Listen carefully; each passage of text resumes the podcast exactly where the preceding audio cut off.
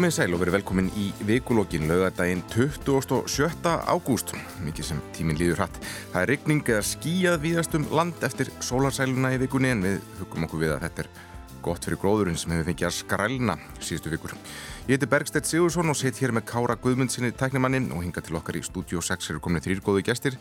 Það er Jón Kaldal uh, hvað, talsmaður íslenska náttúruvendasjósins Já, meðal annars, takk fyrir. Fyrirvendir Ritstjóri, Snæður og Sindradóttir uh, ekki listfræðinni heldur verðandi nemi í hvað stjórnum skapandi greina Já, hljómar ekki vel. og fyrirvendir dagsgerðarkona hér á Rúf og Átni Helgason, lögfræðingur og fyrirvendir hlaðvarpstjarnar úr hisminu, er það ekki? já, já. já, hismin hefur, hefur lagt upp lögbar ekki satt Jú, jú, það Já. passar. um, Er maður eitthvað fyrirverandi eitthvað? Já, ég- mér fannst ég þurfa að halda, halda hérna ákveðnu samræmi milli, Til að- milli titla um, Snæður og hlustundur ás og tvö þau hafa verið að vakna með þér og félögum í morgunundarpinu undanfærin ár en nú ert að venda kvæðin í kross og flytja til Ungverjaland ég veit að þú ert það sem kallaði vók eru andum mannréttindi og þú ert að fara til land sem hefur ekki verið í fréttum fyrir það að vera fyrir að vera vók Nei, ekki beint, það er alveg rétt. Viktor Orban er ekki vinnu lillumannsins, sem þú átt að segja það. En, en sko, ég er flytið til Budapest og eins og við sjáum bara alls þar í heiminum, þá er svona frjálslindið meira í höfuborgum Mhm. og þéttbíli og vill hann til að, að borgarstjórun í Budapest er græningi sem hefur verið í, í miklu bastli við Orban síðan hann tók við 2019 Já. uh, og ég er svo heppina að hérna, fá að fylgjast með sveitarstæðarkostningum þar á næsta ári því að, að þar er kjörtímabili fimm ár Mm. og uh, svo er borginni skipt upp í, í hverfi, svona eins og París og í mínu hverfi, fyrsta hverfi, þar er líka græningi við völd Já. þannig að ég er bara bjart sinna á að þetta verði alveg bærilegt Já, ég- ég fyrir hins einn hatrið Ég sko. heyri að hérna, ungverskir græningar eru konum með góðan leysuga Já, heldur betur, heldur betur. Nei, ég veit ekkit hvað þau standa fyrir annað en bara það að þetta er svona frjálslind, eurocentric uh, fólk sem að, vill uh, flestum vel. Já, ég er ekki vanur að taka fram hverja manna gestir í þettir meira en af því að við erum að fara að tala um ríkistóttunum eftir og svona, þá er kannski þetta að halda því til haga þú ert dóttur Helgu Völu Helgadóttur þingmann samfélkingarinnar, þá er Já. það lindamál hér með upplýst, en um, stýrivextir, þeir voru hækkaðir í vikunni um hálft prósentustig og eru núna komin upp í 9,25 prósent. Hafa ekki verið herrið síðan í árslokk 2009 þá var ég að vinna undir þinni stjórn Jón, á fréttablaðinu og við getum báðið vottað að það er dálítið langt síðan. Já, sætla minninga, þetta er hérna þetta voru umborðu tímar í, í blagamösku og stjórnmála stjórnmála skrifum, en, en þetta er svona kannski eiginlega merkilegast þegar maður reyfjar upp hérna umræðana sem átti sér stað eftir hrun, að það var mikið talað um, um gjaldmiðun okkar. Og ég svo eitt hérna Stækan Hægrimann, vinn minn á Facebook tala um að krónan væri gjald en ekki miðill í, hérna, í vikunni. Og rétt eins og umræðan um krónuna vist var þá, þurftum að finna eitthvað annað en krónuna og það var að tala um evru, gangi evru bara samlega þitt og taka upp evru. Og það var að tala um myndi ekki það myndi ekki gera snú rætt Já, þá er eins og Herman Guðmundsson sem var þá enn en einum, hann var að tala um kostnaðin sem fyrirtæki hefði því að Já, að já, vera og þetta er kostnað fyrir almenning og lítil fyrirtæki. Eh, Við náttúrulega veitum hvernig fór fyrir umsóknar að aðaldverðum okkar við Európa-sambandið. Króatíða var eftir okkur rauðinni. Króatíða tók upp eurum síðustu áramóti sko og eru núna komin inn í það svona öruga umhverfi. Ég er svolítið undrandi núna í þessar stjórnmálu umræðu sem er verið á hérna í kringu gjaldinu hvað lítil umræði er um kostið þess, eh, hvað er réttast, engin stjórnmálaflokkar tala um við um að gangi Európa-sambandið. Mér þess að samfélkingin hefur eitthvað lagt þetta á sama tíma hefur aldrei verið meiri ástæða vegna þróuna heimsmálabilinis að fara þangað. En- Og viðræst er svona hrópandi í eðmörkin þarna sko, að þau einhvern veginn viðræst ætla að vera einn að bera þetta mál uppi. En niðurstan er þá bara vantarlega að því að það var bara ekki áhugi innanlands, bara meiri áhugi fyrir innanlands fyrir því að, að fara þessa leið heldur en var og þá bara dílu við það eins og við þurfum að gera. En, en er það endilega að það sé krónan sem er vandamálið?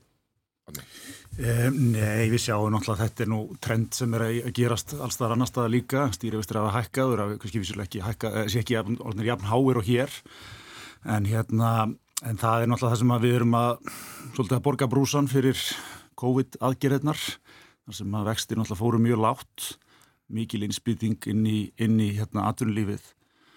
Og við erum svolítið að fá svona þá timburmenn núna í þessu formi, það er náttúrulega skaut upp verðbólgu og uh, Sæðlabankin þurfti náttúrulega að fara úr eins og segir, ég man ekki hvað vextinni fóru nú nákvæmlega sko, þetta var hálft- 0,75 held ég. 0,75 og þetta er náttúrulega svakalega skörp uh, hækkun upp í 9,25 á hvað, tveimur árum eitthvað sluðis. Uh, en, en eins og þessi hækkun núna, hún var viðbúin, nema hún var kannski hraustlegri en búist að við og mm.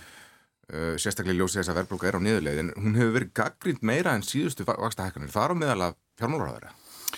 Já, mér finnst þetta almennt svolítið sérstök, ef ég má taka þetta í hann stærra samviki, mér finnst svolítið sérstök umræðin í kringum þessa, þessa hérna, stýrvastahækkanir Sælabankarnas. Mm. Við heyrum allt frá einmitt bara higgjitóldi rauslega á móti og þetta er allt upp í bara sam, svona hálfgerða samsæriskenningar að þarna sé nú verið að nýðast á fólki viljandi og eitthvað í þá veru sko, Já, sem að heyrir álega málsmyndandi fólk segja sko. Gilvi Sóveika segir bara að það er verið að þrengja ólina á almenningi í, til þess að gefa, skapa svegrum fyrir ferðarþjónustu.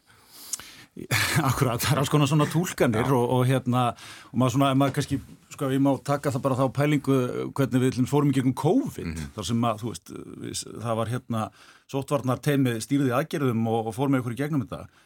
Þar var nú þannig að, sko, ef mann leiður sér eitthvað evast, þá varstu nú bara nátt komin út af sakramentinu, hérna um aðgerðinar, þar að segja. Hér einhvern veginn fáum við allt spektrumið, náttúrulega algjör hlaðbóð bara af, af viðbröðum, sko. Mm.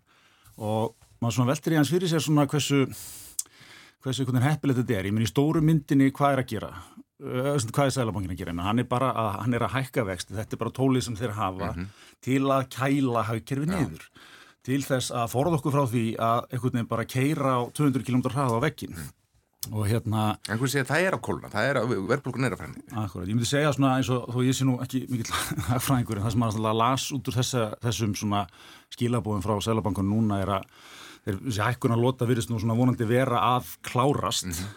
en það er alveg viðbúið þeir munu halda vöxtónum á, eh, á þessum slóðum núna allavega út hennar vetur myndi ég halda. Mm. Einhverja tólkætti þannig að, að, að Sælamákin hafi verið að senda skilabúðin komandi kjara veraður og það sé verið að vara við því sko að verið þrálát verðbólka ef þið ætlið að fara sem um einhverja háalöna hækkanir Sko mér finnst kannski merkilegast í svo að Sælamákin sendoldi einn núna að verja þessa hækkanir allt annað heldur en uh, þrýeikið. Það hafði þjóðuna með sér og það hafði ríkistjóðuna með sér og almennt bara um, sko stóra hluta, náttúrulega meira hluta uh, hugsaði fólks með sér í algjörunum. Selmangi steindur einn núna og ég held að ástæðan sé ekki sístæðingna þess að hann fór þegar litir í baksinni spilin allt og geist í vaksta lækanum. Þannig að það er alveg eðlert að fólk hafi ekki trú á þessum aðgerðu núna bankiræðinbeilis mistrúðarleika sinn aldrei og svo Bjarni Ben orðaði ekki að er það vegna þess að sagan segjur okkur að voru gerð mistök klár í vaksta lækun, fara allt og rætt í þær lækanir og eftir á skýringa sælabankastjórum að fastegna verði að hækka vegna loðaskost í Reykjavík, maður bara hristi hausun eftir þessu hvað hva gengum mannunu til? Þannig ásker ábara og sælabankinu okkur um vanda vegna eigin aðgerða mm. og skilja lögum Sko ég sammálað þessu, mér finnst samt, eh, mér fannst það eiginlega ótrúlegt, ég, ég trúði nánast ekki að það var verið að hafa rétt eftir fjármálaráð þegar það ger, þess þegar hann sagði að það væri ekki hlutverk ríkisjóðs að læka verbulgu. Uh, mér þóttu þau umali einhvern veginn, það var svona eins og, og fjármálaráður hefði sko mist uh, af bara kjarnanum í því hvað er að vera stjórnmálumæður og það er að gera líf fólks vænlegra það er markmið stjórnmálamanna allra og það getur farið mismundi leiðir að því og, og, og hérna uh, verið ósamála um hver, hver er endanniðustanni því hvernig er lífið okkar best.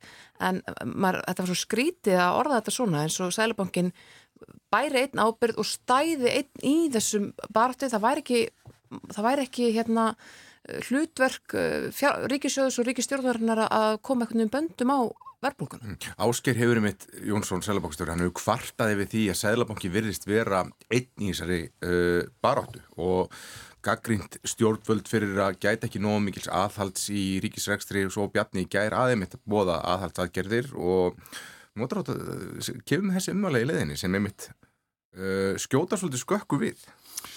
Já, já, ég held að ef menn svona reyna nú að skilja þetta af einhverju sangitni, hann er náttúrulega að segja sko það er eh, stóra verkefni Sælabankas er að lækka verbulgu, Ríkisjóður hefur þetta önnur verkefni líka mm -hmm. og ef að Ríkisjóður alltaf engungu henda sér í að lækka verbulgu þá væri við vantilega að horfa á hérna einhvern mjög eh, hérna, umfásmikið niðurskurð mm -hmm. sem myndir nú einmitt vantilega hérna, snerta lífskeiðin og, og fólki í landinu miklu meira. Já. En e, Bjarni var og fjármálaráðuniti gæra jú, jú, það er einhver pakki upp á svona 17 miljardar ef maður las fyrirsagnum að rétti í þessu Já.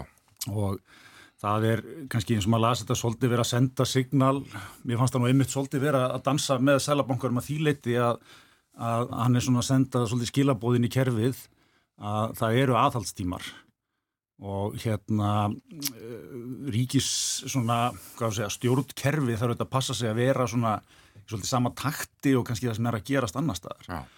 Fyrirtæki þurfa að horfa í það að það er ekkert endalust til eða endalust svigrum og, og svo sem heimilin bara líka og hérna ég las nú svona kannski tónin í þessu frá Bjarnar svolítið þannig að, að það var að passa stjórnkerfi sé á einhvern veginn á svolítið svona sömu línunni líka sko. Mm -hmm. Og verið að bóða líka svona að það verður minna, minna uh, minn á milli handana fyrir ofinbæra stopnarnir og þess að það er komið í fjárlögu. Já, ég, hérna, það hefur nú verið, sko, Bjarni talað með alveg svona fækkun ríkistarsmanna og aðallt þar, ekki, ekki ráði í, í, í störfi fólki sem, eða þegar fólk hættir. Mm -hmm. Það er nú verið gaman að sjá ríkistjórnuna sem eru, sko, sko ráð þeim hefur fjölgað mjög ört á vakt sjálfstæðarflokksins. Það er bara staðrind. Eh, það er miklu fleiri ráðanendi, fleiri ráð, ráð, ráð herrar, réttar að sagt, og aðstofmenn og, engabistjórar eh, heldur en voru hér fyrir tí árum og þannig um í tíð vinstitjórnana sem þurft að fara mjög skart aðhald á sínum tíma, fækkaði ráðurum. Já. Það verður svona bara merki út í úst að þeim var að meina, meina þess að voru að segja. Með þess að bara, heyrðu, við ætlum að bakka, við ætlum að fækka ráþurum það var engin að kalla eftir fjölgun þeirra. Og við vitum að það kostar sko mörg hundun miljónir til viðbótar. Það, það er verður svona góð merki stjórnmálumann Það var líka gaggrind til dæmis hversu valda mikli ráðherrar voru orðin þá eins og Steingrim í Jóða sem kom alveg fjölda ráðherrar undir sitt þetta og svona En á samanskapi þá sjáum við að, Lili Alferstóttir og Bjarni Beinsson bítast um bankaskatt af því að annað er að viðskiptaráþara og hitti fjármáráþara mm -hmm. og við sjáum uh, Guðrun Hafstansdóttur eða Jón Gunnarsson í mist uh, bítast við, við hérna mumma við, við uh, Guðmund um, um sko málefni hælisleitenda af því að það er búið að dreifa málum sko á milli ráðunda með þessum hætti. Þetta, þetta er líka mjög sérstakt. Uh, það er mjög sérstakt að vera þessari stöðu að, að hérna, málaflokkarnir til eru svona mörgum og Uh, allir bendi á næsta í, sko, við ríkisöndaborðið. Mm. Þetta, er, þetta eru samherjar. Mm. Tölum kannski aðeins bara um stöðu ríkistjórnarna núna, kjörtímanbiliðið hálna, þessi flokkar hafa verið starfandi saman í sex ár og uh, en maður, maður þarf ekki að líta mjög, maður þarf ekki að rýna mjög djúft til þess að sjá ákveðin þreytumerki á stjórnarsamstarfi. Það er einhvern veginn útilokað að þóttu þessi flokkar væri aðstöðu til þess að þeir myndu endur nýja þetta stjórnarsamstarf uh, það eru alls konar mál, það eru kvalveði bannir sem við erum að býða eftir hvort að svandisminni framlengja. Um, það eru útlíkamálinn, það eru orkumál sem voru líka í brenniteppli núni í vikunni. Landsnett að, að bóða þetta verið að spýta í lofuna þar.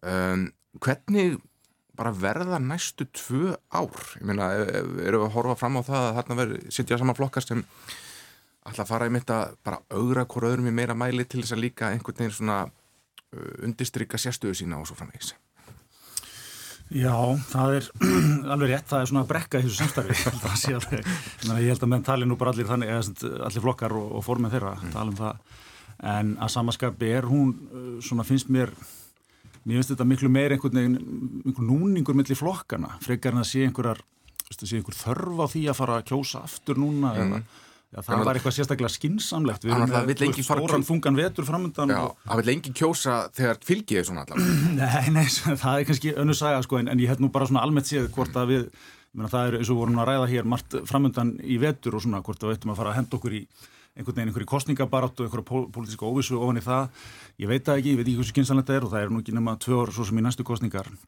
en hérna, en þetta hefur svo sem, uh, sko, Ríkistóðin var náttúrulega stopnud 2017 í, eh, eftir að það hefði verið hér mjög svona brött eh, endaloka á ríkistjóðun sem satt þar á undan sem var mhm. ríkistjóðun bjartra framtíða viðreysnar og sjálfstæðiflokk sem svona einhvern veginn halvpartin sprakk bara á einu degi Já. út af einhverju svona einhverju málum, þurfum kannski ekki að fara út í þau allir en hún var einmitt stopnuð þá að þetta voru svona ábyrgir aðilar að koma saman breyðum grunni og ná svona stöðuleika í stjórnmálinn og svo einhvern veginn á því kjörtíðanbili kemur þetta COVID og heimsfaraldurinn upp sem var nú kannski alveg ekta mál fyrir þannig ríkistöð. Hún svona, þó þú náttúrulega ekki vitað fyrirfram, þá var það fyrirkomlega aldrei hérna, ákjósanlegt að mörguleiti fyrir, fyrir svona það verkefni. Og, og... Sigmundur Davís að þarna hefur bara stjórnbólum verið tekið svolítið af dagskrá. Já, það er, var auðvitað ekkit rámt hjá hann held ég. Þetta var náttúrulega mörguleiti bara daldið farið eftir því sem þrý ekki sagði mm -hmm. og, hérna, og, og svona eh, neyðar tímar svolítið í, í, hérna, hjá þjóðinni og ég meni við sjáum úr kostningunum hérna 2021 þá fær ríkistjónin bara bísna skýrt umbót til að halda áfram mm -hmm. en það er eins og þú segir, það er svona það er hartna á dalnum, það er kannski líka bara svolítið þessi eins og maður lasi þetta sko að komast út úr COVID sko, ég held að allir átt vonað þeir eru svo svolítið gaman. Og voru bara að loka okkur inni í tvö ár. Það var gaman í smá Já, það var bara gaman í svona tvo-þrjá mánuði sko, svo einhvern veginn bara kemur hérna, það er bara verðbólgalstað, mm. stríðsregstur í heiminum og svona, og þetta eru held ég mörguleiti miklu meira challenging og erfiði tímar heldur en kannski menn, eða svona fólk áttir vona á. Og hérna Um, en, en að því sögðu ég minna ég, ég sé ekki þörf fyrir það ríkistjótin eitthvað að hætta núna ef við erum að fara í kostningar mm. fólk þarf auðvitað að sína eitthvað ábyrð og, og hérna, koma svona þokkala samhend fram en, en, en uh, það er eins og segir, það er, það er aukist mikið núna ég svona því ég stend nú mæntalega hér að þeim sem eru uh, hér í þættinu svona næst sjálfstæðisfloknum eða, eða því sem er í gangi þar ég finna auðvitað svolítið þar að þessi ákvörðun svandísarum uh, þetta kvalveðibann og kannski sérstaklega svona hvernig hún var mhm. tekin mm -hmm. e, degi áður en að hérna átt að fara á stað og svona áfrekar hæpnum grundvöldi e, fann að þetta e, hérna settið aldrei slæman tón í mhm. samstarfið mm. og í kjölfarið tók við þarna einhverja vikur í, núni í sömar í gúrkutíðinni þar sem það var ringt í náttúrulega annarkvæð þingmann sjálfstæðisflokksinn sem var hérna í, í fjölmjölum að ræða, ræða hérna stjórnarsamstarfið og, og hérna þetta er kallað á viðbröð, þetta er svona Þetta er svolítið es, svona eskoleitað ef ég má hérna, sletta hér á þessum virðulega miðli. Heldur að þetta sé, svona, þetta sé ekki jafn mikið hittamálu þessi menn vilja uh, vera að láta? E, þá ríkistjóðnarsamstæðið? Ég held að við séum ekki að fara að sjá neins lit á ríkistjóðinni. Ég held nú að hann haldi. Jón, það eru alls konar mál það sem við sjáum að, að, að það er grundvallar ágreiningur og það er í orkumálum, það er í útlíkamálum og, og, og svo framvegis. En svo náttúrulega eru efnaðasmálum þegar það er svona, á, ég segi ekki kreppa, það er samdráttur og það er, það er hérna háverðblokk og þess að þar, en á tveimur árum þá getur það bara eins og við sjáum síðust, síðustu tveimur árum, þá getur svo staða breyst mjög hratt. Ef um, hafgerur réttur úr kútnum, má þá búast við að það svona auki líkunar á því að, að þessir flokkar nái vopnum sínum aftur?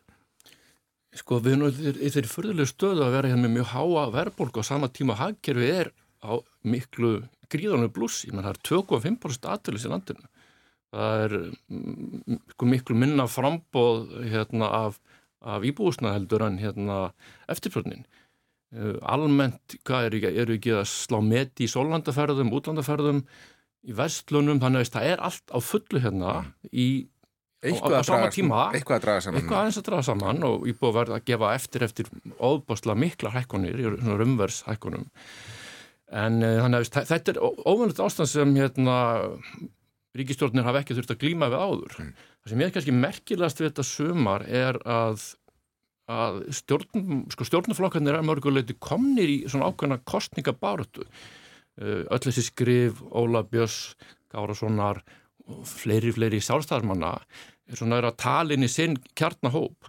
Þingflokku vinstu græna var upp í Vassfyrði hérna, beinlinis að skoða náttúruperlunum þar á sama tíma og vera, við, við erum að skoða virkjanahumindir þar. Þetta er mjög ákynni skilabóð að, að það fara þangað og þannig að þetta ég er ekkit saklega bjart með þessu veturverði uppbyggilegur að teki þetta á okkur málum efnaðaslega. Mm. Uh, hugmyndin sem hefur verið kynntar í spartnaði, frekar allt kunnulegar um, uh, en hvert er erindi þessar ríkistjórnar? Hún var virkaði frábæla sér svona þjóðstjórn á meðan eins og átni hann með á COVID-tímum. Ég nefndið með ósamála bæði átna og sjúmyndi Davíð að stjórnmála tekjum sambandi því það var mörguleiti djörf pólitísk ákvörðun að stíga þetta aldrei hliðar. Það þarf pólitíska ákvörðun til þess og hún var farsæl gefur að miklu mér friðun í mörgum öru löndum og fólk samstiga en ég, þessi, ég, ég get ekki, ég trist ekki að spá maður um hvernig þessi, þessi vetur verði en allavega eina sem við vitum er að flokkarnir vilja ekki fari í, í, í hérna, ríksnáðflokkarnir vilja ekki fari í kostningar að meðan fylgið er svona í könnunum. Það er eina sem við vitum og ég held að það sé bara á þeirri stöðu sem ríkisóðin hangið saman, ekki neinu öðru. Mm. En er ekki ljóst að þá þarf einhvern veginn ef þetta á að halda áfram sem þetta já, forminni verðast alltaf að vilja að þetta haldi áfram að það þarf einhvern veginn að meila málum hérna og þeir þurfa að koma sér saman um það er nú þurfum við bara einhvern veginn að hætta þessum látum og, og, og fólk þarf alltaf að fá þá tilfinninguna að það sé tiltulega gott ástandina milli. Jú, sko, mér fannst uh, svolítið áberendi svona í snem sumars, það var eins og Bjarni hefði mist tökin á sínu fólki, það mjög óvænt voru mestu lætin innan sástæðisflokksins. Mm. Mikið meiri heldur en framsagn, sko, sigli bara frekar svona hljóðlega gegnum þetta. Það heyrist ekki pípi einum einasta flokksmanni þaðan. Uh, það er meira órulegi hjá Vafki en lætin voru sko mest hjá sástæðisflokknum og það, uh, þetta veldur pínilegt á hvað svandi skerir núna mánuðamótin varðandi kvalveðnar. Mm. Hvað gerist? Hvort að, að hvort að það ná að læja þessar öldur og ég spái því að hún uh, gefur grænt ljós mm. á kvalveðnar. Mér finnst það hérna, líklegt að það verði niðurstu. Heldur, heldur hún mun leifa það núna? Já, er, er, já. Er það ekki mikill álisvekki fyrir hanna í hennabaklandi? Jú, e, sko, svo maður setjast svona aðeins við bara völv, set, hérna, við kristalskúluna, þú veist ef sem árið komast. Þá ætla ég að spái því að hún leifi kvalveðnar núna á einhverju taknilegu atriði uh, en bóði lagabretningar bóði það að það verði almenna tekið á þessu á þessu ári. Mm. og þar með nái hún einhvern veginn friðinn hans ástæðarslokksins uh, frið við þetta eina fyrirtæki sem að hún svaraði til í, í svara til umbúðsmanns alþingis að, að væri þetta, þetta, sko aðgerðina beindu ekki gegn því fyrirtæki það vil þann til að þetta er samt eina fyrirtæki sem er í þessum bransa um, en, en hún sendir samt skýr skilabóð við veitum það, hún vil banna kvalveðar hún mm. hefur sagt það marg oft áður. Og ég meina heimildir bara, heimildir rennur út á þessu ári þannig að það hafa búið svo sem við að hún myndi ekki endun í það á næsta ári. Nákvæmlega, þannig að mér finnst sko líklegt að það verði lausnin, mm. það verði svona farið bílbækja til þess að stjórnin haldi. Ef hún ákveður núna, núna er sko hvað, vika í fyrsta september. Ef hún ákveður allt í núna að, að hérna að, að, sko, að framlengja bannið þá verður allt villust ég er bara algjör að samfara um það. bara bátarnir er að leggja úr höfn núna já, bara, þetta er, þú, þetta, þetta er, við erum komin að þessum punkti aftur. Um, hvalur ákvað mjög óvænt að halda allir þessu fólki vinnu, þetta fólki er búið að vera með tekjur í sumar mm. og svo mhm. framvegist, þannig að þetta var minni skellur fyrir fólkið heldur en svona var lagt upp með upp á sumars, en ég held að hérna, þetta hljóta verða neðustan og ekkert þeirra vilji fara í kostningar en það eru önnur mál. Og það eru þessar móttökubúðir eða hvað það heitir það lokaða úrræði sem að guðurum bóðar, það eru fleiri mál sem að munum standa í þessari ríkstjórn og í þingmannum mm, Tekur undir þessa spá, Ánni, heldur að þetta veri niðurstaðan hjá Sandísi eða? Ég sko, ég náttúrulega, ég fannst þessi ákvörðun svolítið sérkynleg hjá henni í sumar og hérna fólk hefur þetta alls konar skoðan á kvalviðum og það er, uh, þekkjum það. Má ég skjóta inn að því að mm. þetta kom bara fram í gær, þetta var mínútuspursmál í, í þessari ákvörðun. Já. Hún fekk frest hjá stjórnumtíðindum, hálftíma frest til að skila inn breytingunni. Þetta var gert á sko sko, við erum búin að vera að tala um 24 tíma hérna. Mm -hmm. Þetta var, þetta var sko, ykkur augnablík. Þetta er eins og þeirra Bergstinn og Jón voru að gefa út fréttablaða. Þetta er bókstæðlega þannig, sko. Ringti brettsmiðin og sagt, eru til að býða, þú veist. En hérna, um, sko, það sem kom ég kannski svolítið óvart við þessu ákvörum var það að, uh, sko, hvalvegar vissulega umdildar og við höfum verið að stunda núna í 20 ár cirka og atvinnum vegar held ég frá 2006 mm -hmm. og uh, það dundi yfir okkur mikla spára á sínum tíma um hvaða áhrif þetta myndi hafa. Mm -hmm. Ég átti, átti að hafa mikil áhrif á ferðamannaðina en ímynd Íslands og svo framvegis. Og í raun og veru ekkert að því hefur ræst.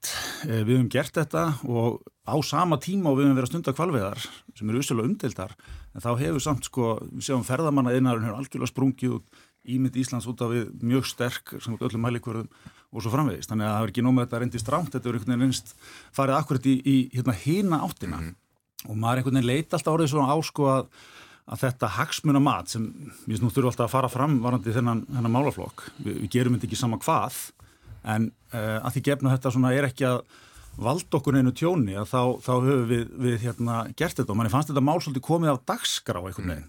en, en hvað með svo en, dýravendar? Já, já, akkurat, en svo fram, koma fram þessar upplýsingar, það var alltaf sem setti mál á dagskrá í sumar frá uh, hérna, þessi myndbönd sem að lág út og vissulega var það hérna voru það upplýsingar sem þurfti að skoða og ekki gott að það voru hérna tilfellið þar sem að veiðarnar eru ekki í lægi, mm. þess að þetta tekur alltaf langa tíma En að stoppa heila atvinnugrein af því er, er náttúrulega mjög sérkennlega stjórnsísla. Þú, þú tekur þetta bara á þessum tilfellum og, og þú tekur fyrir, fyrirtæki fyrir en, en hérna að, og, og það sem var líka svo sérstatt við þessa, þetta ferli sögum af það að Svandi sjálf kom og sagði eftir þessar upplýsingar höfðu komið fram þetta er nú ekki hérna, neitt grundull til að stoppa kvalveðar í hilsinni. Já.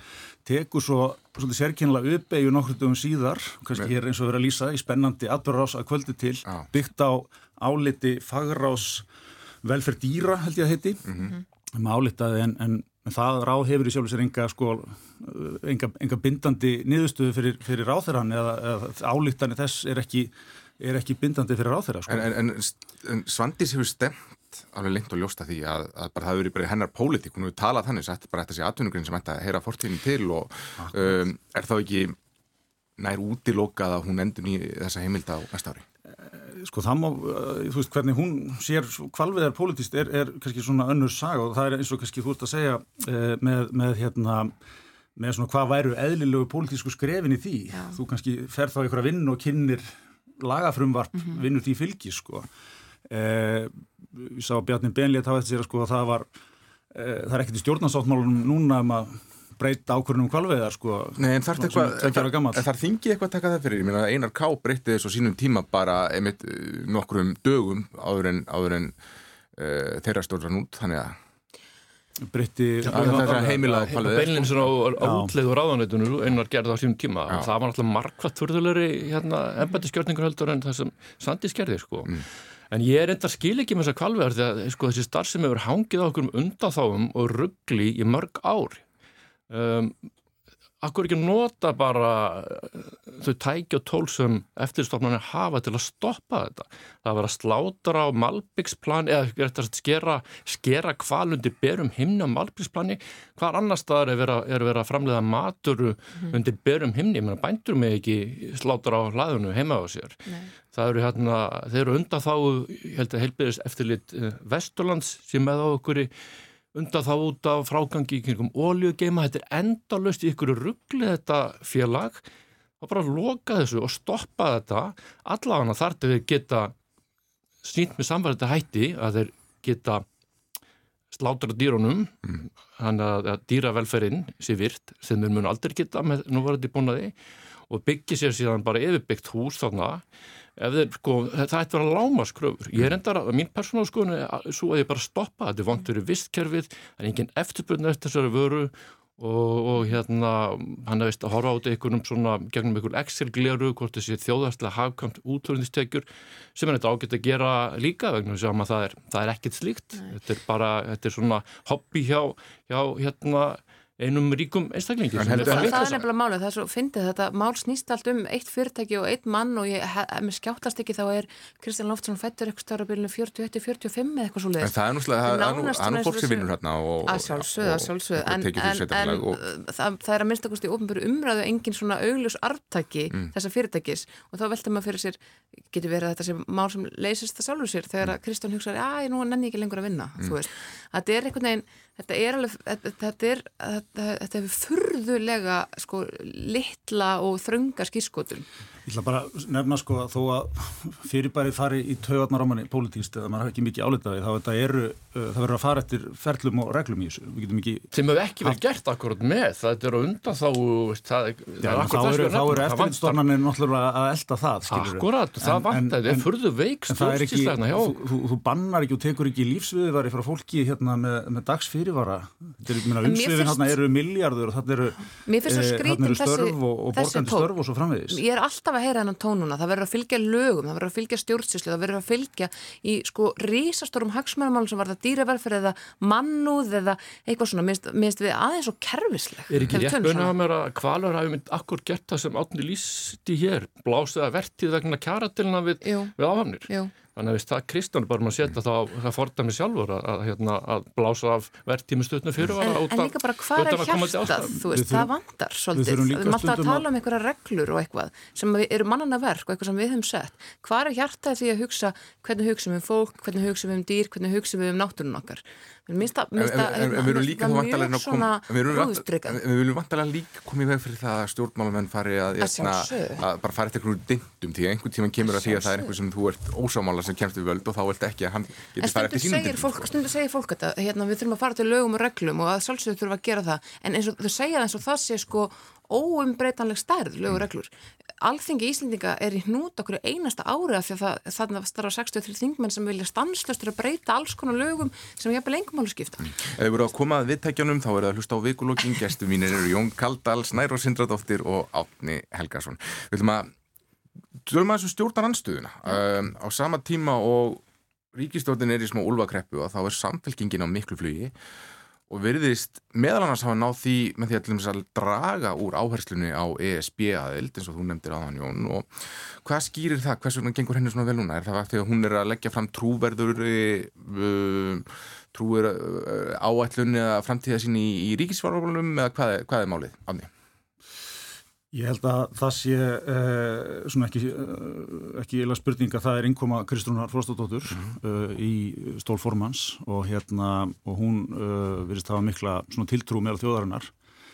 Um, og það hvernig hún, sem að hefur ekki fengið mikla aðtikli kannski, en hún auðvitað, tók sér aldrei til í leiðinni þegar hún var hérna svona nánast klöppuð upp sem formaður hérna núna á, á, fyrir stuttu og, og, og breytti, gjörbreytti alveg prófílnum á samfélkingunni mm -hmm samlíkingi sem hefur verið undanfærin ár svona, sem er doldið að elda mikið af, af, af málum að miklum, mik, miklum svona þunga. Nýja stjórnaskráin var mál sem þeir hafa líst yfir um að selja sér greiðala dýrt í kringum ESB aðeldin, annað og svo framvegis. E, þessi mál eru komin bara veist, lengst aftur á listan núna. Og profilflokksins er í raun og veru orðið mjög uh, svona opinn og almennur. Svolítið svona eins og framsóknarflokkurinn mm leggur, í, í, hérna, leggur upp sína pólitík Uh, ég veit, uh, eins og ég segi, ég, ég, ég held að margir séu svolítið þannig að þeir hafa að segja Kristrún, hún kemur vel fyrir og skilleg og allt þetta. Ég veit ekki alveg nákvæmlega hvernig hún allar að gera þetta ef ég var hinskilin mm -hmm. ég veit ekki alveg sko hverjar hennar áherslur eða hvað hún hef, ef hún hefur fjármálar á þeirra fórstæðsraðu, hvernig hún hefur farið öðru sem eitthvað í gegnum síðustu ár. Uh, ég, með grunnar að það hefur eitthvað mjög svipað. Mm -hmm. en snýst nú kannski ekki endilega um það í stjórnmálum. Ég, það snýst um svona ásýndin á trúnuna og, og hún nær einhvern veginn að vekja vekja þá þær tilfinningar hjá fólki að, að, hérna, að hún sé með, með þessi svör og þessar þessa lausnir mm. og ég held að það sé, það sé líki ladriði og að, að svona, já, aftengja samfélkinguna við þessar svona, svona krettur sem voru farnar að elda flokkin. Mm. Það verður þessi leiðin hafa orðið til svona ákveðnar segja, verkskiptingar með milli stjórnar anstöðu flokkana að það er að segja samfélkingar uh, viðreistnar og pírata samfélkingar hafa sagt, tekið teki stjórnarskrafna og, og svona vókmálinn svo má segja og viðrist ekki til fengið uh, eh, ESB og samfélkingi verðist vera uppskýra einna best. Já, ég samála lýsingu átna mörguleiti og Kristón náttúrulega er af að skilleg og kemur vel fyrir en ég held að stór hluti sér líka vegna þess að hún er akkurat óskrifa blað. Eh, ég menna, síðan þú dag á sín tíma var fransáflokksins að hann hafði ekkert starraði fransáflokknum áður á beinlinni skjósundur sko vildi kont allt annan enn sem hafi verið í floknum og ég held að sko Kristún njótiðist núna í, í meðal þjóðarinnar. Mm -hmm. og hún er bara ný. Já. og hérna og, og, og þannig að það er veist, hvernig hún ætlar að fara með það veganesti er síðan hérna stóra spurningin. Um, hvert er erindi samlingingarinnar um, ég nefndi hérna Evropasambundu áðan þessi samlingin var, þetta var þeirra stóra mál Það er ekki ennþá farið fram uppgjör hérna hjá meðal okkar sko í garð þeirra stjórnmála sem börðust harðast gegn ESB, meðan Ólaurgar Grímsson og Ömmundi Jónasson, heimsinn eins og lagði sig, hefur einhver hópur fólksátti að brant fyrir svona þróun heimsmálana og þessi hópur? Sem vildi að Ísland myndi semja við Rústland, Kína, Indland sem þá þegar voru á braut sko allræðis, hann hafa stíð skrifið allarleið þá núna, þessum hann höfðu bara algjörlega rant fyrir sér í hattir sinu við ESB Mm. Á sama tíma er heimun að breyta svo rætt og núna með, með innrásastriði rúsa í Ukrænu að Evropasamhættu aldrei verið mikilvæga sem þetta bandalag þjóða. Það er, er svona vagga mannetinda í heimunum og Ísland ætti að vera þar. Mm. Maður mað skortir, hvað sé að, maður hérna sakna þess hvað það skortir umræðu hvað er við ætlum að taka okkur stöðu í mjög breytum heimi á, á, á þessari öll. Mm og ég er, minnst þetta að vera stærsta viðfóksmál sko, stjórnmáluna uh, þessa tíma og við erum ekkert að ræða, ræða þetta hér á Íslandi. Nei, en, en, en þetta, þetta verður samt sem að hafa verið eitt af því sem skilar flokknum fylgi í skoðanakunni? Sko, við hefum, mist, fólk aðeins búið að gleyma því að við hefum séð pírata fara með heiminskautum mm -hmm, í skoðanakonunum á, á miðjum kjörtímbilum og uppskera ekki þegar kemur að, að, kjördegi, bara enga veginn. Mikla herraldur samfélgjarnir að fara núna. Mm -hmm. Við, við hefum séð sko, skoðanakonunir sem pírata fara vel yfir 30%. Það fór upp í 45 held ég. Nákvæmlega og áttu svo ekki sjens þegar að koma að, að kjördegi. Ég gekk vel en þetta var ekki nánda nærri svona átt að það var það svona álitið hálfgeist tap. Ég mun, sko, eitt af mínum uppáhald svona sjónvarsögnablikum er í dönsku þáttunum Borgen þegar Birgitte Njúborg er að mynda, hvað heitir þau, nýju demokratana eða eitthvað líka. Og hérna, og hún heldur ræðu og það er rosa gaman og henni rannir upp fyrir henni að hún er í flokki sem er fullum af fólki með aflita skoðanir mm -hmm. af því að hún var svo rosalega óskrifa blað að það flyktist að henni fólk sem voru rasistar, fólk sem að, trúði ekki á, á sko hlínunjarðar og, og hvaðina og hún stóð uppi, þetta er auðvitað skaldskapur en, en í algjörum vandræðum mm. uh, maður, þegar maður rínir í skoðanakannir þá uh, sér maður núna og ég ætla bara að lefa mér að segja þetta að hérna, það hljómar mjög rókaföld uh, þá sér maður núna að uh, þau sem er að flikja sér að bak við uh, samfélgninguna núna er hópur sem hinga til hefur ekki stutt samfélgninguna. Uh, þetta er tekjulegsti hópurinn sem að, að hefur mikla trú á þeim svona efnahagslösnum sem að Kristrún boðar en við veitum að er hópur sem er mjög um, tekjulegsti og, og, og minnst mentaða hópurinn, þetta er hópur sem er mjög hreifanlegur á hennum pólitíska ási mm. mjög hreifanlegur og hefur verið það uh, síðustu ár þannig að ef ekki bara spyrja leikslökum en það fer svolítið eftir hvað, hvað Ríkstjórn gerir hvort mm. hún heldur það ekki Já, já, það er ekkit frá, vantarlega samfélkingin ána með stöðunni í konunum, þetta er ekkit frábær tímapunktur að vera nei, nei, eða sko þetta er svona þetta er svona hérna flokka geta farið það er að halda í þessa stöðu og það getur einhvern veginn unni gegn því og svo framvegis. en mér langar aðeins sko varandi hérna þetta að, að, að þegar maður tók þetta því að mitt eins og segir ESB-málið fer út og kannski yfir til viðreysnar ef svo málið komast að ég held nefnilega sko og það var að tala um að gera upp hérna þessa, þessar pælingar hérna síðasta hvernig, hvernig í hvað áttu við að fara að held ég nefnilega að ESB-málið og ESB-aðaldi sem að sett svona stíft á daskaröfni eftir hrun hafi verið uh, vond arfleð fyrir samfélkinguna því að fólki var aldrei selt þetta þetta var nú stór grundvöldu fyrir ríkist og fylg, miklu fylgi samfélkingarnar hérna eftir hrun að, að hérna, flokkurinn var með lausnir, það átt að drífa sinni í Európa-samtið, við áttum að fá evru hérna bara nánast nokkrum vikum setna eins og þetta var lagt upp til að byrja með. Sá leiðangur náttúrulega endaði algjör út í skurði ég held að við hljótum að vera saman um það og hérna einhverju mörgum árum síðar var þessi umsókn einhvern veginn búin að daga uppi og það var ekki búin leysur og snertað og opna neina af erfiðustu málunum og svo framvegis og hérna og í stað þess að elda þá leið þá förum við í það að, að vera með krónuna, við förum í uppgjör við, við kröfu á föllum bankan sem skilaði ríkisjóðin og hérna alveg óheyrðum tekjum eða fátæma tekjum mm -hmm. og, og bjóna alltaf til grundvöld fyrir því hversu sterk við höfum verið sem ríki hérna undanfærin ár. Mm. Stóru mistökjum voru bara að samfélkingin og afki skildu ekki spyrja þjóðuna um hvað vildu varandi erfarsamöndið. Mm. Það var alltaf stóra. Samfélkingin gerði þá algjör að kröfu við myndum þessari ríkstjórnar 2009 að, að það erði ekki farið í atkvæðagreðslu um það hvort við ættum að fara að sko fara í aðverðar. Mm. Þetta var svona, þetta var alveg heljarna mál og það voru mistök eftir áhegja að gera það ekki af því að það hefði verið kannski meiri friður. Við erum alveg sérstaklega góðið því hér á Íslandi að draga mál sko svo ára tugum skiptir að þess að leysa þau mm. og þarna hefði kannski verið hægt að leysa fá ykkur að niðurstuði hvað þjóðum vildi mm. var hún til í að fara inn í aðaldavirðar og sjá svo til þá, þá hefðu við vita það. Mm. Það sem kannski ræður úrslitum um framtíðisar ríkistöldar eru kjaraverðar í vetur. Ég hef hert í áhrifafólki í stjórnarsamstarfi sem segir að ef við náum samningum þá heldur þessi ríkistöld áfram. Og en svo þegar maður tala við fólk sem kemur kannski að samningaborðinu og þá er það ekkit sérstaklega bjartin og það er eftir að ganga vel að það er ferðarþjónustu búist til verkvöldum í februar og svo framvis um, er, stefnir ekki allt í það? Er, er, erfið, erfiðu veitu framöndan Jú, ég held að hljóta að vera. Tónin í verkaðsæfingunni er, harður og sömulegis hérna, viðsemjanda þeirra. Það hefur byggðlað til ríkistjórnarum að koma með eitthvað pakka til að svona hvað að segja, liðka fyrir eða, eða, eða sína einhverja einhverja einhverja, útganguleið þannig að þessi hægt að semja.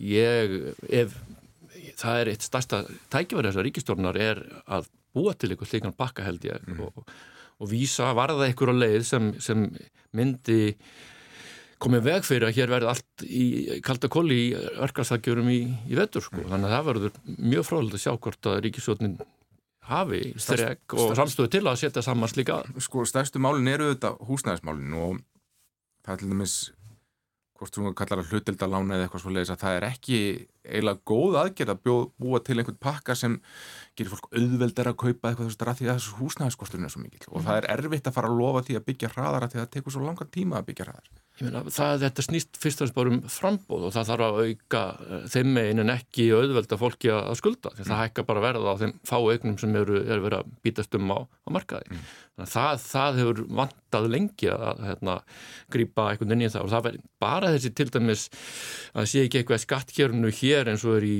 flestum nágrannaröndum okkar að það eru mm, skattar á aðra á þriðju og fjörðu eign sem fólk á það er, er svo lengjulegt það var til dæmis e, leið til að, að myndi ég halda að auka frambóð á markaði að við vitum að, að frá því að selabankastjóri lækkaði vexti svona skart þá þyrtust fjármagn í, í íbúður, mm -hmm. það bara var bein afleðing þegar peningar eru ódyrir aðgangi peningum og, og hækka hækka í, í, í hérna, verðmætti í, í verði og steinstepa að við vitum að það eru hellingar af fólki sem hamstar gríðarlega fjölda íbúða. Mm. Uh, ég sé ekkert að því að, að, að skattkerfsbreytingun sem einhvern veginn sem, hvað að segja, uh, target er að þann hóp Já. og þannig að verði, verði aukið frambóð bara þeim enda. Uh, ég held að þessi 38% af þeim sem kaupa íbúð séu uh, aðilar sem eiga, eiga fyrir en hvað séð þú snæður? Hverju hvað getur ríkistöndin búið til þess að litka fyrir? Ríkistöndin myndir náttúrulega bara byrja að segja sko að það er ekki okkar að semja það er náttúrulega bara... En... Til að litka fyrir kjærasamningu? Ég, ég veit ekki, með húsnæðslegurinn er mjög stór og hann skiptir mjög miklu málu ég tek alveg undir með Jóni hérna varandi þess að svona, þetta margægna fólk en mér finnst samt pínuldi vanta að gegsa í þessa tölu þar að segja, við vitum það að það eru rosalega margir sem undarfærin ár hafa þurft að fá aðstof fóraldra sinna mm. þegar kaupa sem er það kannski skráði fyrir einhverjum eignum og svo framvegis en það er bara fólk sem á einhverju börnum sín sko mm. veist, þannig að þegar fólk er í, í eignum með tvö það þarf ekki endilega því að þetta séu einhverju auðkífingar með hérna uh, sem eru að halda hér húsnæðarsmarkan með gíslingu um, en hvað ríkistarinn getur gert ég ég langar að segja pass, ég bara veit það ekki alveg mm. uh, ég, mér finnst, það verður mjög forhóttnilegt að sjá uh, kærasamlinga núna þegar Haldur Benjamin er farin á samtökum atvinnulífsins, þú veist það er nýr leikmaður þar, hvernig hún mun standa sig á eftir í ljós uh, allt þetta, þetta eru svona stóra breytur varandi persónu og leikundur sem verður gaman að fylgjast með sko. mm. Þarna kemur aftur líka kannski meiningamunur milli flokkana, við sáum að verkalýsefingin er að kalla eftir til dæmis að böndum sér komið á ferðarþjónustuna, hvort sem er komið gjöldum eða hækkun, hækkun hérna, verðursöka skastþreps eða, eða gisti náttagjald svo svo framvegis og svo talar kannski Lili Alfredsdóttir, hún talar um kvalreika skatt og afgið líka en, en sjálfstæðslokkur vil ekki heyra minnst að geta þau komið sér saman um einhvern pakka sem já, við sem myndu, myndu, myndu fellast á Já, ég, þau hafa nú gert það allavega tvís og sinnum mm -hmm. nú þegar, þannig að það ætti nú svo mikið að vera stóra málið en, en það er alveg rétt eins og segir, það má alveg velta fyrir sér þetta er nú að vera alveg síður hérna það er alltaf ríkistöldin þarf að koma með einhvern takka og, og jafnvel eru kjörtímanbilin eh, þetta er alveg svo mikil síður kjörtímanbilin er jafnvel byggðuð upp þannig. Mm -hmm. ráð þeirra að halda sér höndum við útspil sko það til að kemur á kjærasamningum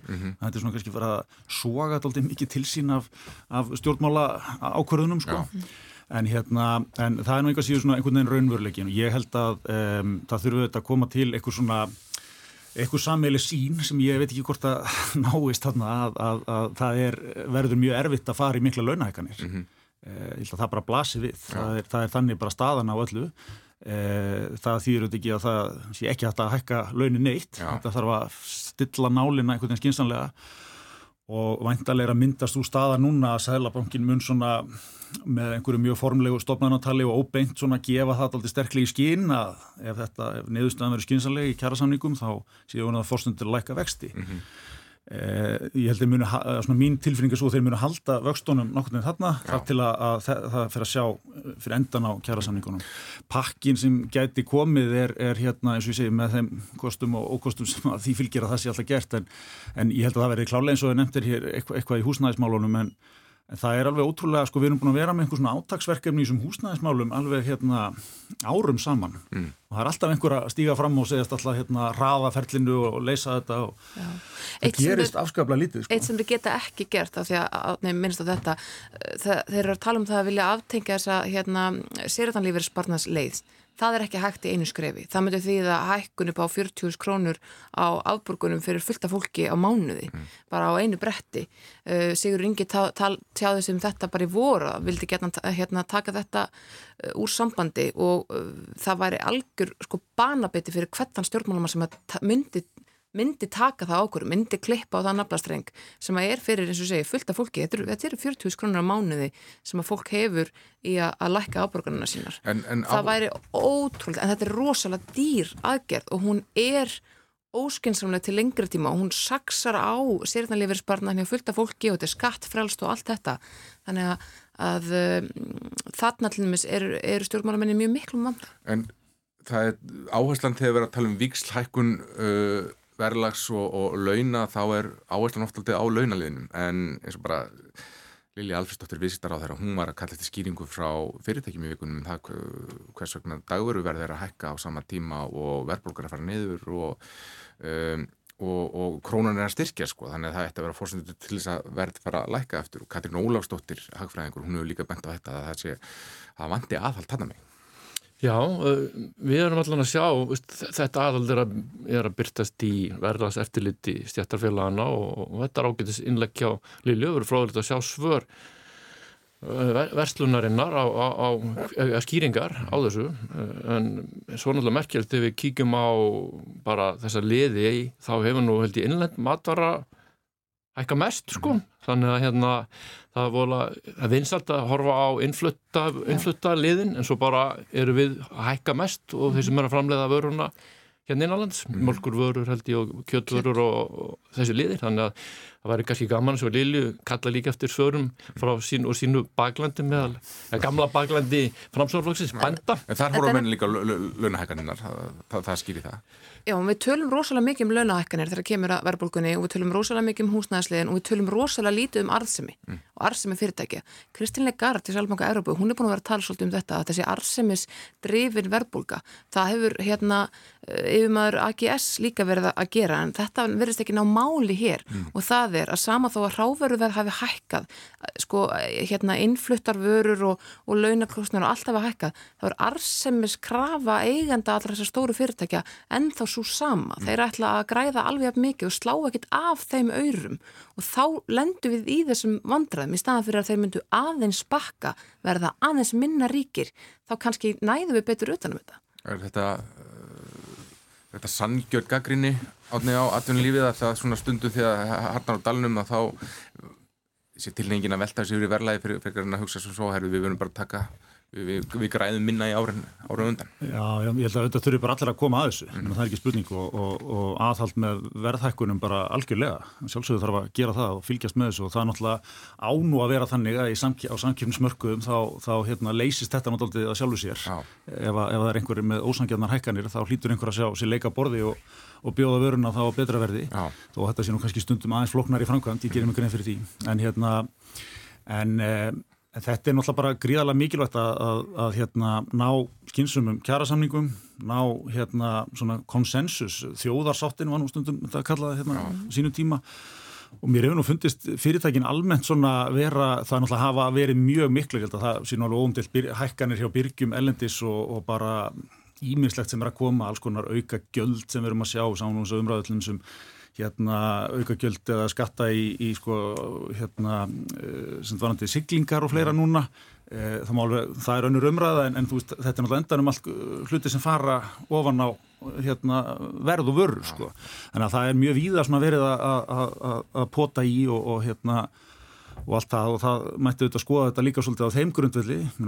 Er ykkur að gjaldalækkanir eða minni álögur mm. uh, til að koma á mótið þessu? En svo er líka kannski samsetning skattkerfisins. Við sáum að tekjublöðin eru að koma út núna og, og satt frá því heimildinni að maður er mest að líkur á því að verða, vera miljardmanningur eða forríkur en maður heitir Jón Uh, býr á Seldinarnessi og hefur selgt útgerð. Við erum einn Jón hérna og einn, einn Seldinning þannig að safnast í rauðurinn en, hérna, en Uh, það hætti líka aðtekli að í heimildinu það er tekinn saman sko, uh, fjármangstekjur úr teknarinnum í öfnuna og það er bent til dæmis það að Haraldur Ingi Þorleifsson, hann er sannlega launahæsti í Íslandingurinn, hann mm. hérna, greiðir hlutvarslega mest í skatt en þegar tekið til til fjármangstekna þá er hann 2005. seti það eru fleiri sem þjena meirinn hann en þeir greiða læri skattaði um, þetta hefur verið til umræðið að það sé að fjármangstekju skatturinn sé oflár Eh, rættur enda við, við hérna, fólki í heimildin líka sem finnst nú of hár ef eitthvað er. Hvað segir þú Jón? Ég held að sé nú ekki of hár eins og staðinu núna ekki 22% hérna var hækkaður örlítið fyrir ekki allslengu mm. skattkerfið hefur hafa verið gerðið svona einhverjar skattkerfisbreytingar átáðun og ánum til dæmis það að þeir sem eiga þessi einhverlutafjölög þar sem fjármastökunum verið til er ekki rétt mönum að þeir þurfu núna eða þau þurfu núna að, að rekna sig ykkur að tekjur við umsjón, umsýslu slíkara fjölaga mm -hmm. og mhm. lámastekjur sem mann fyrir svolítið sérst að það hafi ekki verið raunur alltaf bara að verið þannig að, að fólk hafi geti, geta kert e, í gegnum þessi fjölag hérna, umsýslu með gríðalögum vermaðum á þess að rekna sér neina vinnu e, kringu það mm -hmm. þannig að það nú að vera svona þokast sko, eitthvað, eitthvað nær um, Ég held að herri fjármastekjuskattur myndi ekki, myndi ekki bæta uh, uh, það, tilvöru hérna, hérna verra, verra settu sko Nei. en einhvers konar uh, sko skattkerfis breytingar, ég veit það ekki, maður horfur á kannski frekar á bara hvaðan þessi þess að tekjur koma, hvað, hvað þessi öðu veru til ég er einn af þeim sem myndi vilja sjá breytt uh, form á kringum sko veiðgjöld og, og, og hvernig farið með sammeiglu öðlinn þjóðarna þar fyrst og fremst er, er, er, hefur maður sér að þessi óbáslega, hvað að segja miklu auður hefur orðið til í kringum sjáratvegin mm. og hlutil þjóðarna mætti alveg vera hæra þar og ég, ég, ég skil ekki akkur við notum ekki markaslausnir meira í, í, í þeim efnum mm. almennt bara við útlutun verðmætta sem eru ykkur liti sammegn sveitafélaga uh, íbúð sem búið þar eða þjóðarinnar í það, er, það var nota markas lausnin miklu meira þar heldur en við sjáum við útdeilingu slíkra gæða. Já, en svo líka bara hægt að gæta meiri sangirni. Við höfum haft fjármúlar á þeirra hérna í ansið mörg ár sem að eh, hans keppikepli er að, að skattkerfi sé einfalt.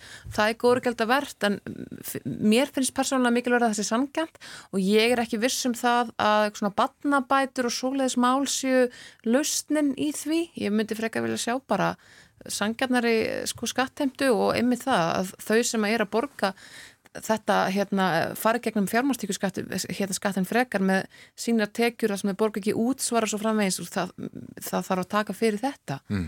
með einhverjum hætti, það þarf að gera það og það þarf bara að vanga þeirra sem að hafa það verst mm. Átni Já, vanga það er sem enga síður kemur nú Ísland alltaf þegar það settur upp alþjóðlu samanburður um gínistöðulinn og fleira sem er gert til að, að hérna, metta þetta allt saman, þá komum við nú einna, einna best út. Hérna, já, við getum samt alveg gert betur. Hérna, já, já, hérna skattkerfið sé, hérna er alltaf að gera betur í þessu, það er alveg rétt, en, en það er líka mikilvægt að halda því til haga að við erum að gera margt mjög vel í þessum efnum og aldrei, það, það verkefni aldrei búið. Eh, skattkerfið hér er svona, ég held nú, eh, ef maður fer aftur í alþjóðlu samanbyrjum, svona frekar mikið í norræna mótilinu sem eru svona tiltöla háir skattar uh, og öflugt velferðarkerfi og það, um það er ágætið sátt. Um, svo má þetta hafa skoðun á því hvað þessar prósundur liggja. Fjármastíkjuskatturinn er náttúrulega þannig uh, skattheimt að uh, þú getur ekki alveg bara hækkað og hækkað og hækkað og ætlast til að skattheikjurnar skilir sér í sa sama marki tilbaka. Þannig er tekjurnar hann á bakvið eru þetta svona meira hvað skal maður segja, það eru Það eru þannig að þeir sem eiga fjármagnið geta stýrt tíð þá í aðrar áttir, kannski fer meiri að fjárfesta eða bara haldu sinni félögum, greiða þetta út, svo framvegis. Við þurfum að horfa aðeins líka þar í mm -hmm. hvar við stöndum svona gæt öðrum löndum. Ef við erum komin með miklu herri skatt en öll löndin í kringum okkur, þá mm. getur það leta leitt til þess að hérna, þetta fyrir að dreifast meira og svo framvegis. Þannig að þarf auðvitað, mér finnst að skattar er ekki að vera tæki til að sko hvað skal maður segja, þeir eru ekki að, ekki að vera eitthvað sjálfstætt markmað þessu sérstaklega háir, þeir eru að bara skila sem mestu og vera sangjarnir. Mm. Sangjarnir er leikilorðið að það.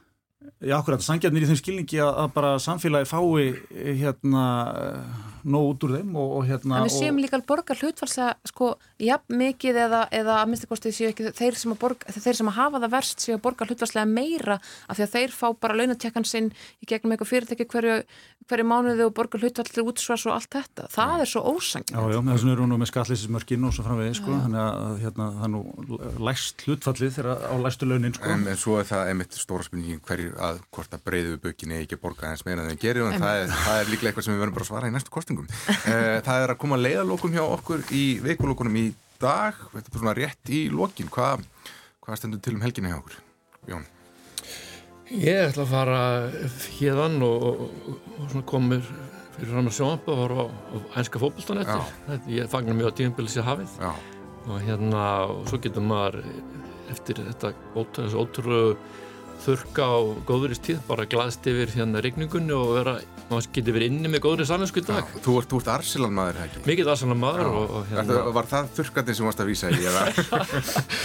Já, það er ákveðið þurkatíði tillum þar en, en, en við, við, við fyrum bjarsinn inn í, inn í þennan, þennan vettur. Já, snæra ásköndin helginu þér. Sko, ég ætla bara að pakka fyrir flutninga til Budapest, Já. en ég ætla líka að halda eitt barnaamæli svona til þess að hvaðja bekkarfélag dóttur minnur. Já.